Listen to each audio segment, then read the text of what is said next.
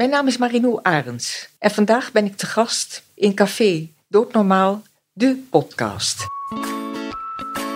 Dit is de podcast waar praten over de dood doodnormaal is.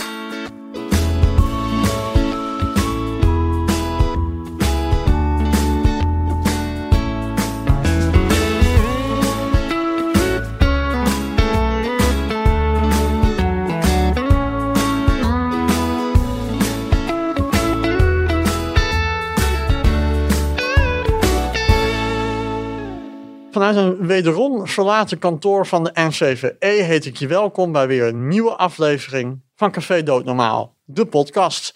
Mijn naam is Gerard Ekelmans en tegenover mij zit zoals altijd Sebastian Hattink. Dit seizoen staat in het teken van euthanasie bij dementie. Een erg ingewikkeld thema waarbij vooral de wilsbekwaamheid van de persoon het proces bemoeilijkt. Waar gaan we het vandaag over hebben, Sebastian? Vandaag gaan we in gesprek met een specialist ouderengeneeskunde die euthanasie heeft verleend aan een 74-jarige patiënt met vergevorderde dementie. Uh, deze casus werd onzorgvuldig uh, beoordeeld en daarmee is hij de eerste arts in de geschiedenis van de euthanasiewet, sinds 2001 dus, die vervolgd werd voor euthanasie. Om ons hier meer over te vertellen schuift vandaag gepensioneerd specialist ouderengeneeskunde Marinou Arends aan. Marinou, van harte welkom. Dankjewel. Marinou, zou je ons uh, wat kunnen vertellen over de dame waar de strafzaak om te doen was? Het gaat om een uh, vrouw die opgenomen werd in het verpleeghuis en die bij opname vergevorderd dement was. Eigenlijk zag dat er op de eerste gezicht anders uit. Op de eerste gezicht zou je zeggen dat ze misschien nog wel wilsbekwaam zou zijn. Want ze kon heel goed praten, ze kon zich heel goed bewegen en ze was heel levendig. Maar gaandeweg, in de loop van de opname, heb ik heel veel gesprekjes met haar gehad. En merkte ik dat er eigenlijk een grote leegte was in haar hoofd. Ze kon woorden zeggen, maar uh, ze kon niet meer abstract denken. Ze kon niet meer haar situatie overzien. Ze begreep ook niet meer waar ze was. Ze begreep ook niet dat ze in het verpleeghuis was waar ze nooit had willen zijn. En uh, langzaam maar zeker zagen we dat uh, haar aanwezigheid in het verpleeghuis met enorm lijden gepaard ging. Ze was de hele dag in de protestfase en gestrest en op zoek naar de man. En ze begreep niet waar ze was. Ze dacht dat ze misschien op de werk was op school. En uh, daar deed niemand wat er normaal was in een school. Iedereen liep maar door elkaar heen. Het was grote chaos. En ze probeerde daar ordening in te brengen. En dat putte er enorm uit. Dus wat we zagen was iemand die eigenlijk toch heel erg diep dement was. Helemaal niet meer in staat was om te denken over een euthanasievraagstuk. En uh, die heel erg leed aan haar verblijf in het verpleeghuis. En ja, ik moest gaan overwegen of aan de voorwaarden voldaan was die ze in haar schriftelijke wilsverklaring had opgenomen. Dat ze niet in het verpleeghuis wilde verblijven met dementie. Maar dat ze dan in plaats daarvan uh, euthanasie wilde. Ze had ervaren wat uh, dementie in het verpleeghuis betekent. Want haar moeder was twaalf jaar opgenomen geweest met dementie. En het was voor haar moeder een leidingsweg geweest. En het was voor haarzelf zonder meer traumatisch geweest. Dus met die situatie zaten we. Ja. Dat zij voorafgaande aan de opname in het verpleeghuis niet de euthanasie had gekregen die ze eigenlijk had gevraagd. Omdat ze dat niet meer goed kon verwoorden. En ja, omdat dat misgegaan was in de thuissituatie. En hoe onderzoek je dan of iemand uh, wilsbekwaam is? Dat is eigenlijk een vrij uitgebreid onderzoek. Om te beginnen begin je met vragen stellen. En kijk je of de antwoorden passend zijn. Dus ik heb haar ook gevraagd of ze nog euthanasie wilde. Nu ze opgenomen was in het verpleeghuis. En dan zag je dat ze verwilderd keek. En dat ze euthanasie niet begreep. En het verpleeghuis niet begreep. En dat ze haar situatie niet kon overzien. En dat ze een antwoord gaf van ja, ja, misschien. Maar dat gaat misschien ook te ver. Het was eigenlijk ook de manier waarop ze antwoordde, de toon waarop ze antwoordde, maakte mij duidelijk dat ze helemaal niet begreep wat er aan de hand was en dat ze overvraagd was. Dus dat het geen antwoord was van nee, nu nog niet, het gaat mij nog te ver. Maar dat de vraag was van ja, ja, dat gaat wel ver. Wil ik dat? Wil ik dat niet? Uh, dat kon ze niet meer overzien. Nee. Dus zo'n onderzoek uh, stel je op kan iemand nog antwoord geven op je vragen? Ja, dat kon ze. Maar kan iemand zijn situatie ook overzien?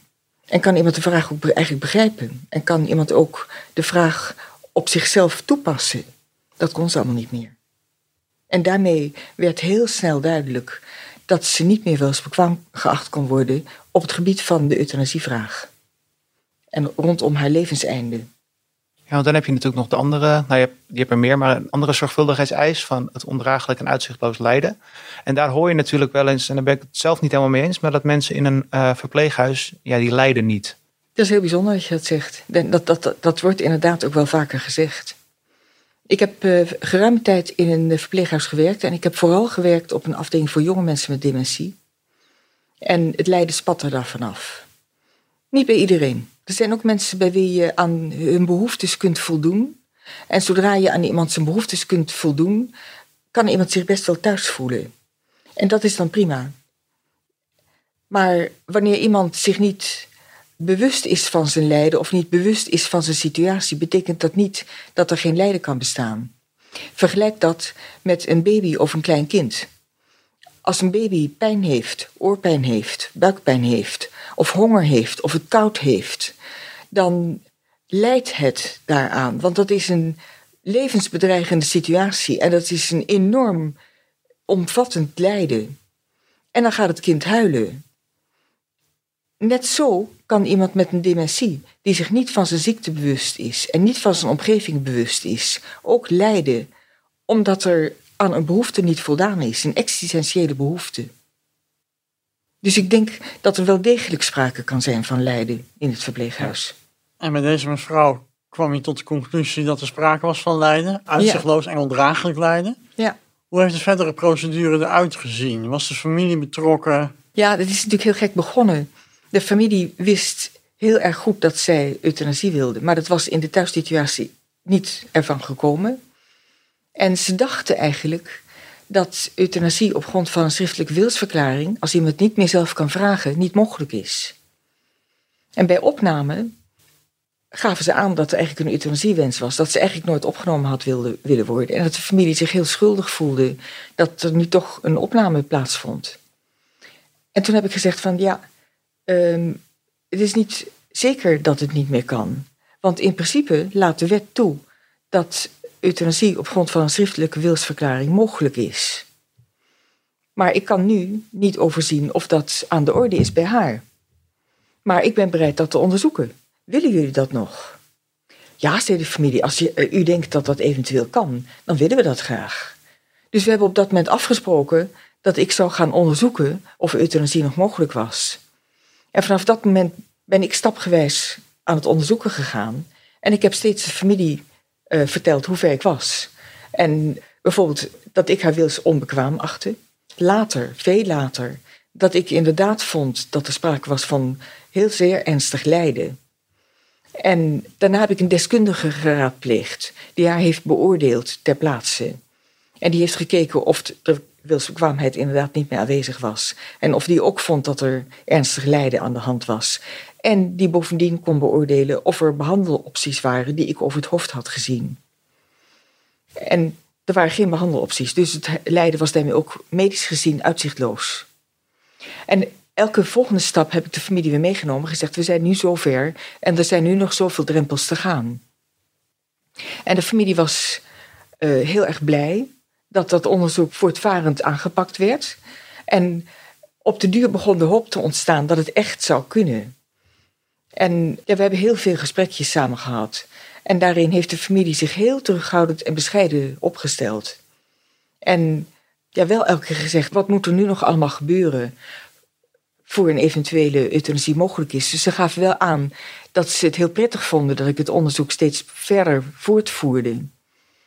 En uh, uiteindelijk, toen de scanarts als laatste drempel kwam, toen hebben ze de scanarts gevraagd van, en wat als u het niet goed vindt, kan de euthanasie dan niet?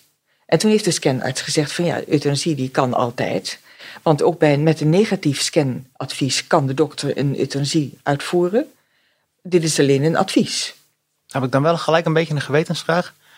Zou je het hebben uitgevoerd als de scanarts een negatief advies had gegeven? Nee, ik had het zeker niet gedaan. Maar dat heb ik niet tegen de familie gezegd. Nee, nee, nee. Want ik wilde ook de scanarts niet onder druk zetten en de familie niet in paniek brengen. Dus ik heb gezegd: ja, maar als er een negatief scanadvies is, dan moet ik dat nog wel even met mijn eerste geneeskundige bespreken. Ja. Dus ik heb even een, een, een zijspoortje eh, ingelast. Maar ik had het zeker niet gedaan. Ik had het niet gedurfd.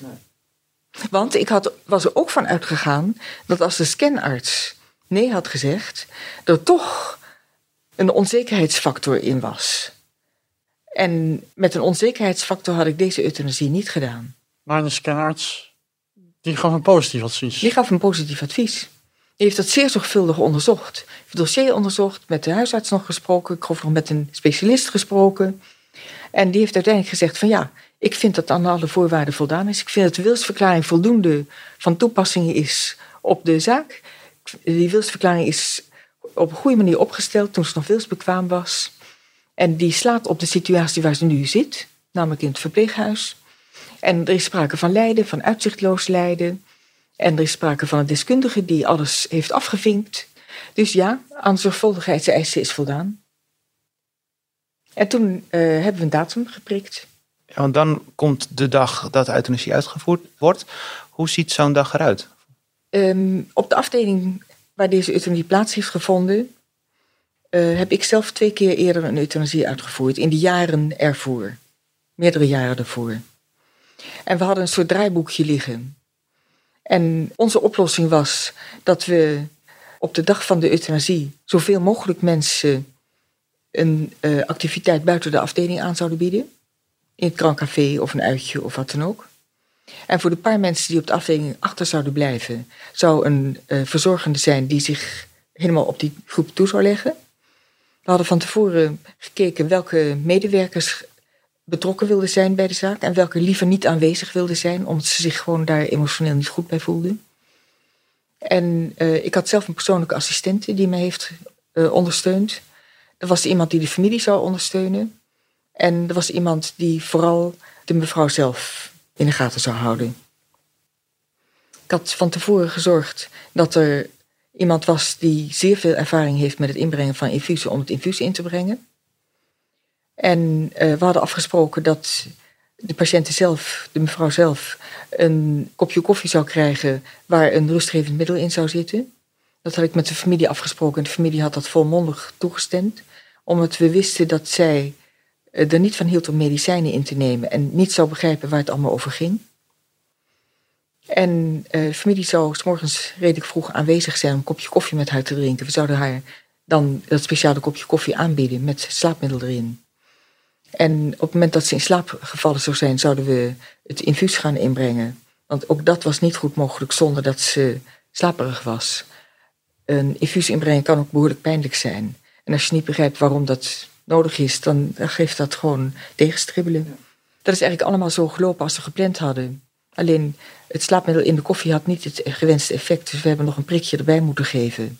Daarna hebben we alles klaargezet en uh, zijn we overgegaan tot de eigenlijke euthanasie. Want ja, in de pers heeft dat heel naar geframed, maar in jouw boek staat Ja. het een stuk eh, genuanceerder. Ja. Dat de mevrouw inderdaad eh, ja, wakker werd en, dus, Ja. en zich omhoog... eh, Oprichten. ja. Ja, tijdens de uitvoering van de euthanasie had ik een aanzienlijke hoeveelheid van het eh, middel dat eh, iemand in een zeer diepe slaap moet brengen, in coma moet brengen, had ik eh, toegediend.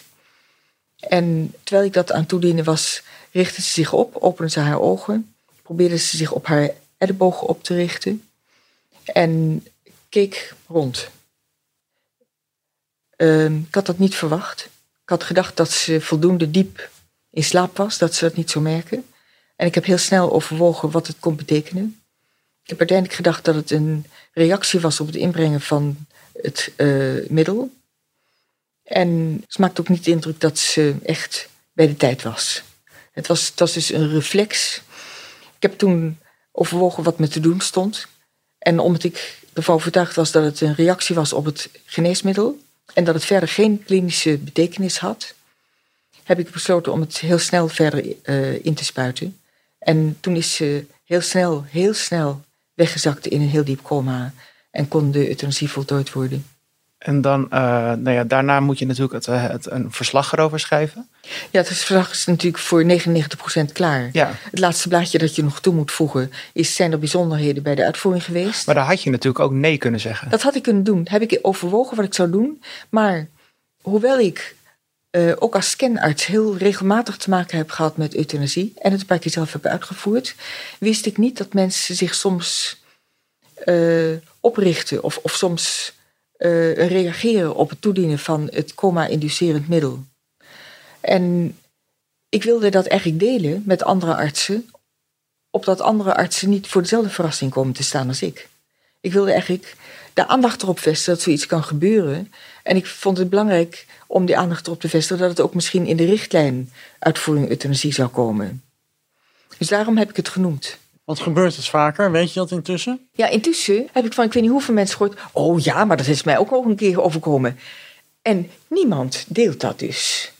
En ik vind dat erg. Want ik heb in mijn opleiding geleerd dat nieuwe ervaringen gedeeld moeten worden. Opdat andere artsen dat weten. En, en dat niet iedereen het wiel weer uit moet vinden.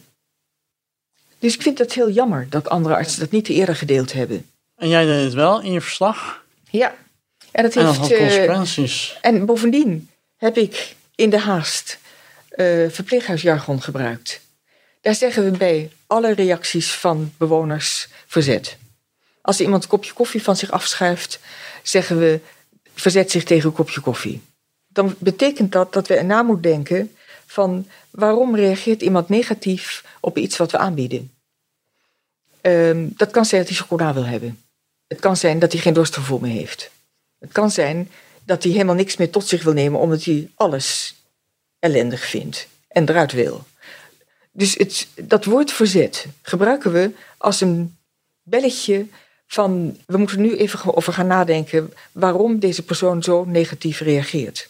Dat woord heb ik in mijn verslag gebruikt. Dat woord komt bij een ethicus, een arts die niet in de verpleeghuisgeneeskunde werkt, en een jurist Van de toetsingscommissie. van de toetsingscommissie. En dat veroorzaakt een geweldige reactie. Ik ben toen uitgenodigd voor een gesprek. Dat verbaasde me niet. Daar ben ik gewoon naartoe gegaan. En ik heb me voorbereid op de vragen eh, die schriftelijk gesteld werden. Er bleek een hele andere vraag aan de orde te komen. En toen langzaam maar zeker daagde het bij mij dat de toetsingscommissie dit woord heel anders had genomen. Eh, heeft bedacht dat ik eh cedeerde om eh, verzet tegen euthanasie te voorkomen, omdat ze geen, geen euthanasie zou willen. Dat de woorden, nee, euthanasie gaat mij nog te ver, dat gaat mij nog te ver, het kon ze niet eens herhalen, dat ze daardoor een heel andere persoon voor zich zagen dan ik. En ik had een aantal videofragmenten meegestuurd met het dossier, in de hoop dat de mensen zouden zien en begrijpen wat voor patiënten dit was. Maar aan de videobeelden hadden ze niet eh, herkend hoe vergevorderd mijn, eh, eh, dement mijn patiënten was. En hoe, ze, hoe allerlei woorden geen betekenis meer hadden voor haar. Dus dat is een hele rare ervaring geweest. En daaruit is ook een oordeel gekomen dat aan alle kanten achteraf bleek te rammelen. Ja, want hoe, hoe was dat moment? Want dan valt de, eh, de brief op de mat, zo zie ik dat dan voor me.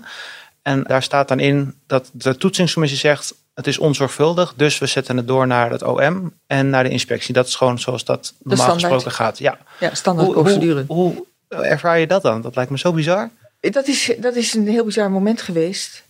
Ehm, ik herinner me heel goed de, de, de brief. Nou, viel niet in de mat. We hebben een brief buiten de deur, maar maakt niet uit. Ik heb die nog op de deurmat opengemaakt. Want het is altijd erg spannend. Ja. En het oordeel was niet binnen zes weken gekomen, ook niet binnen tien weken gekomen. Het oordeel was na vier maanden gekomen.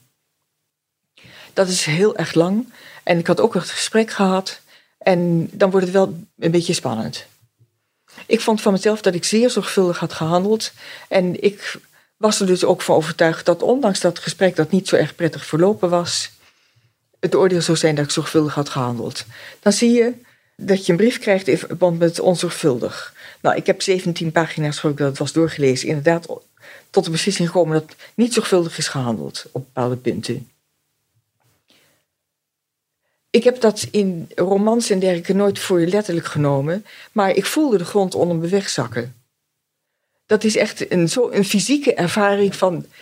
eh, dat is zo overweldigend, zoiets. En het heeft een enorme indruk op mij gemaakt. Juist omdat het niet bij mij past. Ik ben een uiterst zorgvuldige arts. En een oordeel onzorgvuldig past niet bij mij.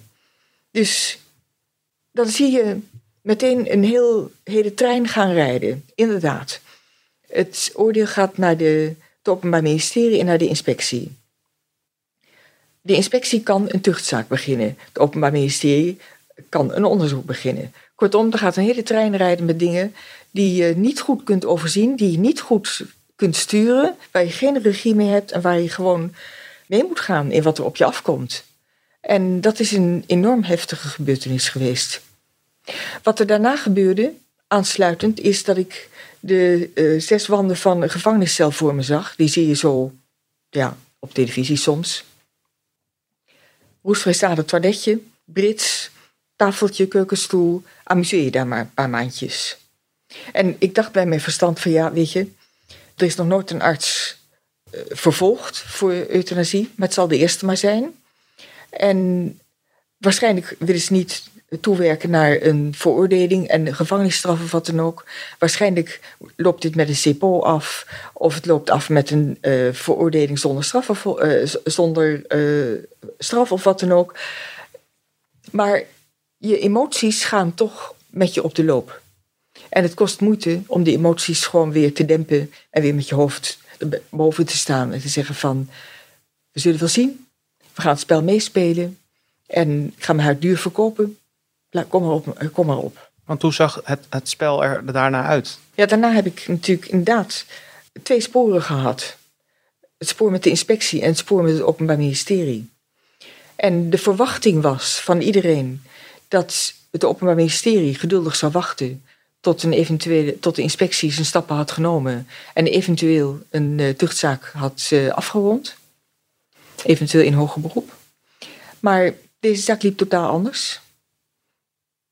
Ik had het gevoel, samen met mijn advocaten, één voor de tuchtzaak en één voor de strafzaak, dat er een soort met wedloop was wie het eerst tot een uitspraak zou komen.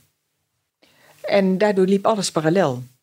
Dat betekent dat ik het, dat ik het hele verhaal dubbelop had. Dat was een heel pittig verhaal. Ja, want in de tussentijd stond uh, de casus natuurlijk helemaal geanonimiseerd op de website van de toetsingscommissie. Ja. Ja. En daar ja, daar sprong de pers natuurlijk op, maar ook collega's. Ja. En die wisten misschien niet dat, dat, jij de arts was waar het op betrekking had. Maar die zijn petities gestart. Uh, wat, wat doet dat met je? Ja, dat deed heel veel. En dat overviel mij. Later heb ik me gerealiseerd dat er een eerdere casus was. Waardoor artsen, een groep artsen alert geworden waren van ja, maar willen we dit eigenlijk wel? En toen kwam deze casus eroverheen. Toen hebben ze een petitie gestart. En dan zie je 250 namen. Dat groeit aan tot 450 namen. Die heb ik grondig doorgenomen. Ik zie daar heel veel scanartsen op staan, oudere artsen op staan, artsen die ik ken.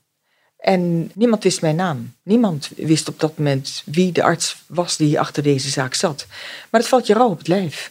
En in de pers werd ook op grond van het oordeel van de toetsingscommissie geoordeeld.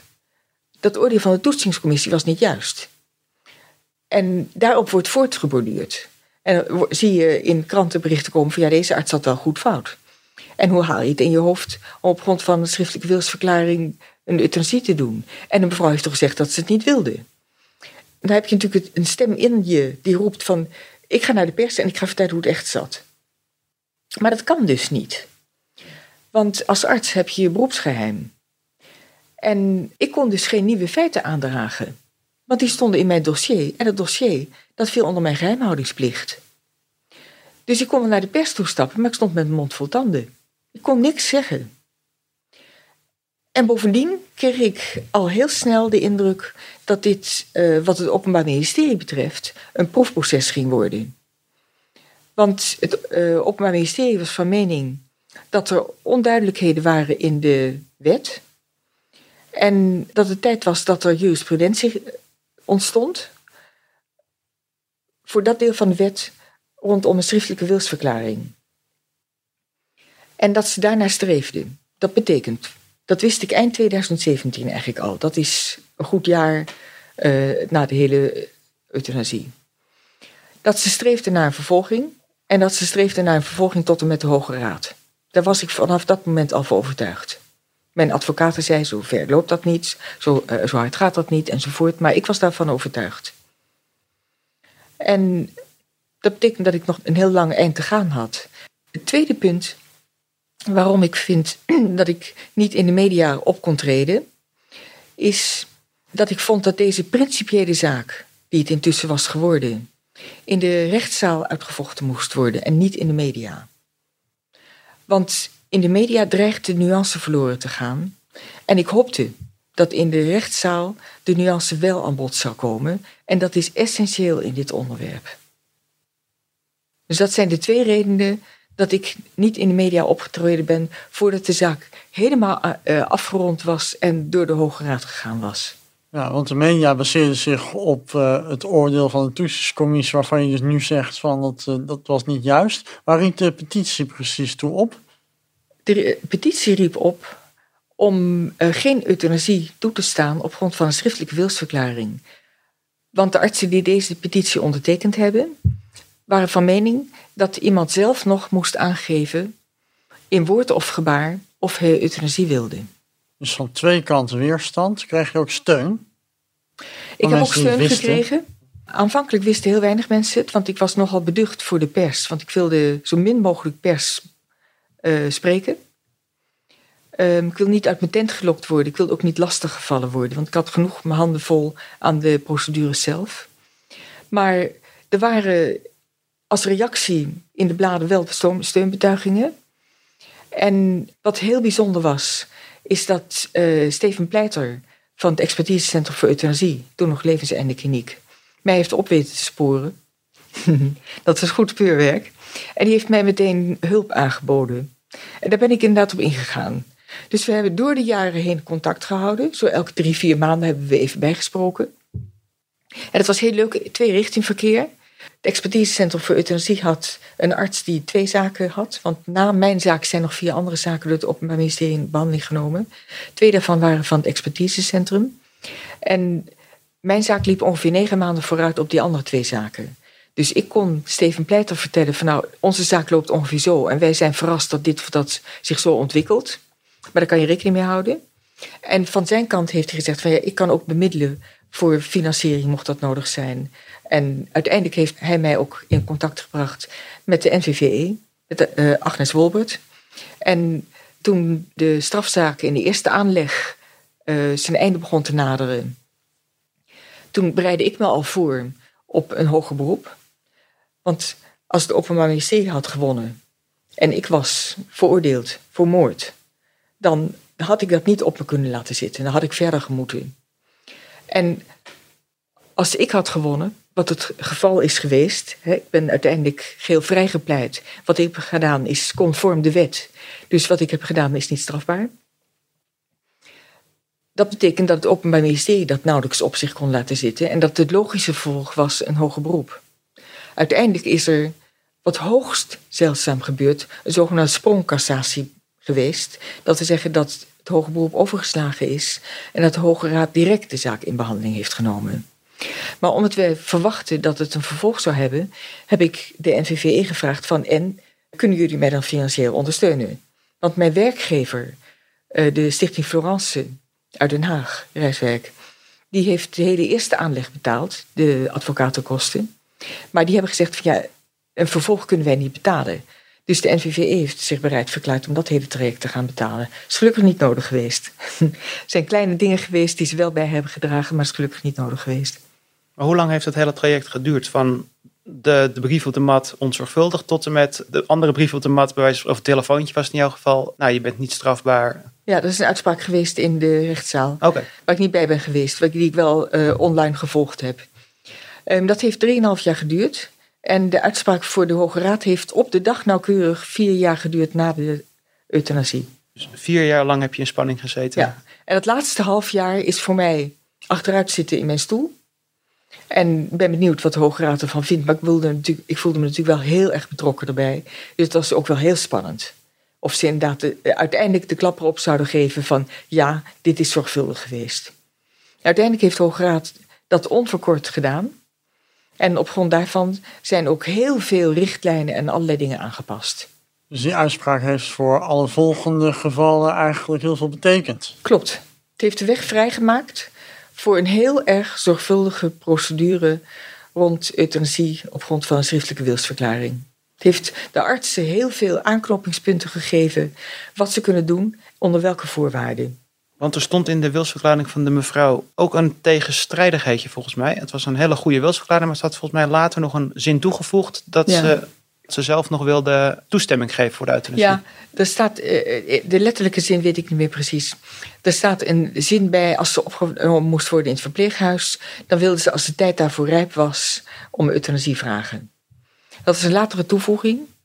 En eh wij hebben dat herkend toen ze opgenomen was in het verpleeghuis. We hebben, ik heb de wilsverklaring met verschillende mensen besproken. Waaronder de eerste geneeskundige en de deskundige en de scanarts. En we hebben allemaal geoordeeld dat de essentie van de wilsverklaring was dat ze nooit in het verpleeghuis wilde verblijven.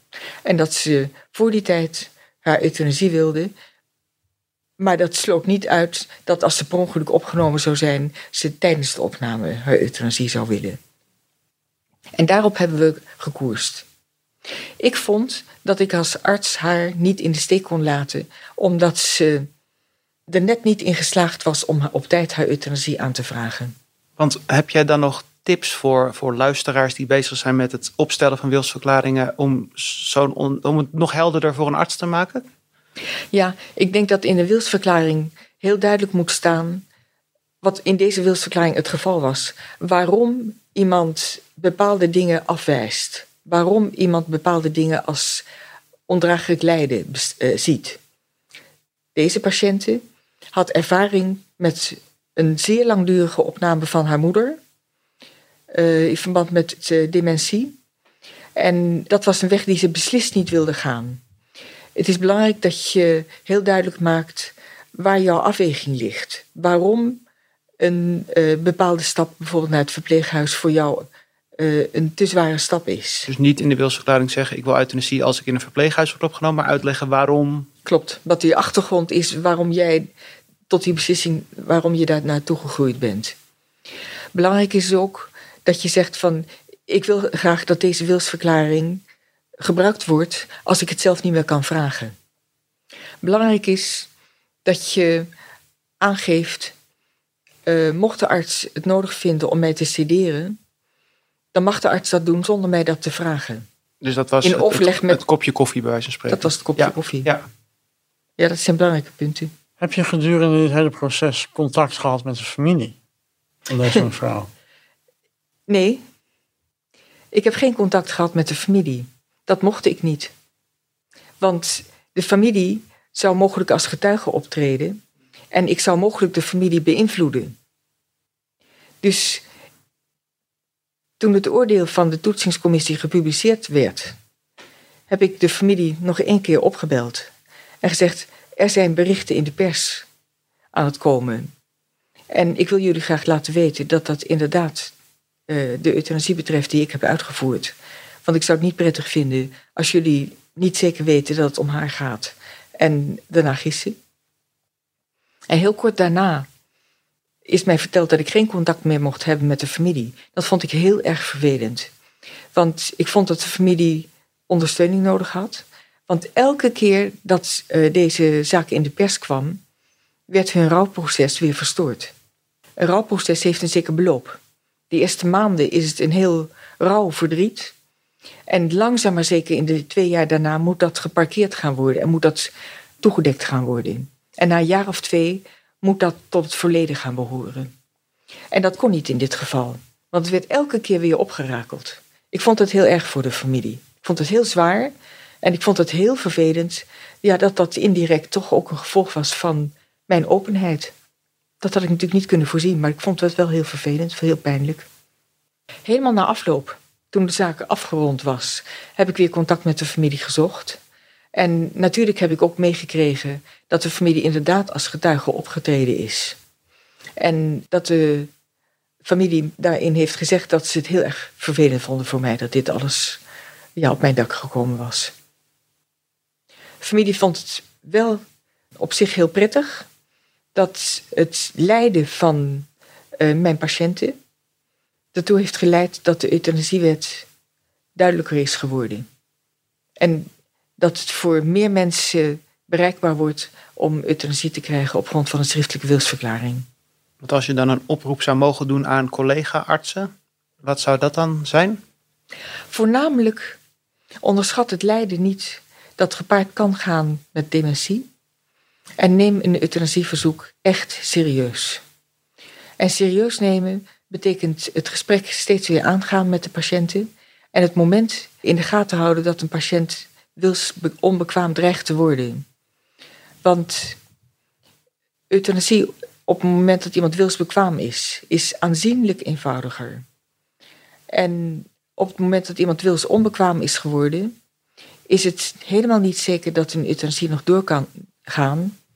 Want als een arts uh, geen overduidelijk lijden ziet en dat goed kan onderbouwen, dan kan een euthanasie niet. Want de overige criteria, afgezien van de wilsverklaring, moeten in acht genomen worden. En uh, dat is onder andere een actueel lijden. Dus nu zichtbaar lijden. Iemand die zich voorstelt, waarschijnlijk denk ik dat ik niet ontgeest wil worden door dementie. Want dat vind ik een heel beangstigende situatie. Maar als iemand dat uiteindelijk niet meer ervaart en aan de behoefte voldaan wordt en iemand lijdt niet meer zichtbaar, dan telt dat vroegere lijden niet meer. Dus eigenlijk is het een oproep aan zowel patiënt en arts. Zit hier eigenlijk wel een beetje ja. in. Houd het moment in de gaten. Dementie is een heel grillig proces. En er is een periode dat de wilsbekwaamheid gaat wankelen. En uiteindelijk definitief wordt. En in die periode gaat wankelen is het uiterste tijdstip dat je samen nog tot de beslissing kunt komen dat de euthanasie nu aan de orde is. Dat verschilt ook van mens tot mens wanneer dat moment is natuurlijk. Ja. Nu heeft, jou, nu heeft deze zaak heel veel betekend voor de euthanasiepraktijk in Nederland. Ja. Zoiets zou zijn wat jij mag aanpassen aan de euthanasiewet in Nederland. Wat zou dat dan zijn? Als je überhaupt al iets wil aanpassen. Ik denk dat de euthanasiewet goed is. Ik denk dat die uitermate zorgvuldig is, dat alle processen zeer goed geborgd zijn. Ik denk dat het zo moet blijven. Helder. Dankjewel voor het delen van je verhaal. En dank voor je komst naar onze podcast. Tot dienst. Dit was het weer voor deze aflevering van Café Doodnormaal, de podcast. Volgende week zaterdag staat er weer een nieuwe aflevering voor je klaar in jouw favoriete podcast-app. Voor nu bedankt voor het luisteren en wil je nou geen aflevering missen, vergeet dan niet te abonneren. Dan krijg je automatisch een melding als er een nieuwe aflevering voor je klaar staat. En vond je het nou interessant om deze podcast te luisteren? Laat dan vooral een beoordeling achter. En mocht je nog vragen hebben naar aanleiding van deze podcast, dan kun je altijd mailen naar jongeren.nvve.nl. Als laatste wil ik nog de NVVE bedanken voor het mede mogelijk maken van deze podcast en zeggen we graag tot volgende aflevering.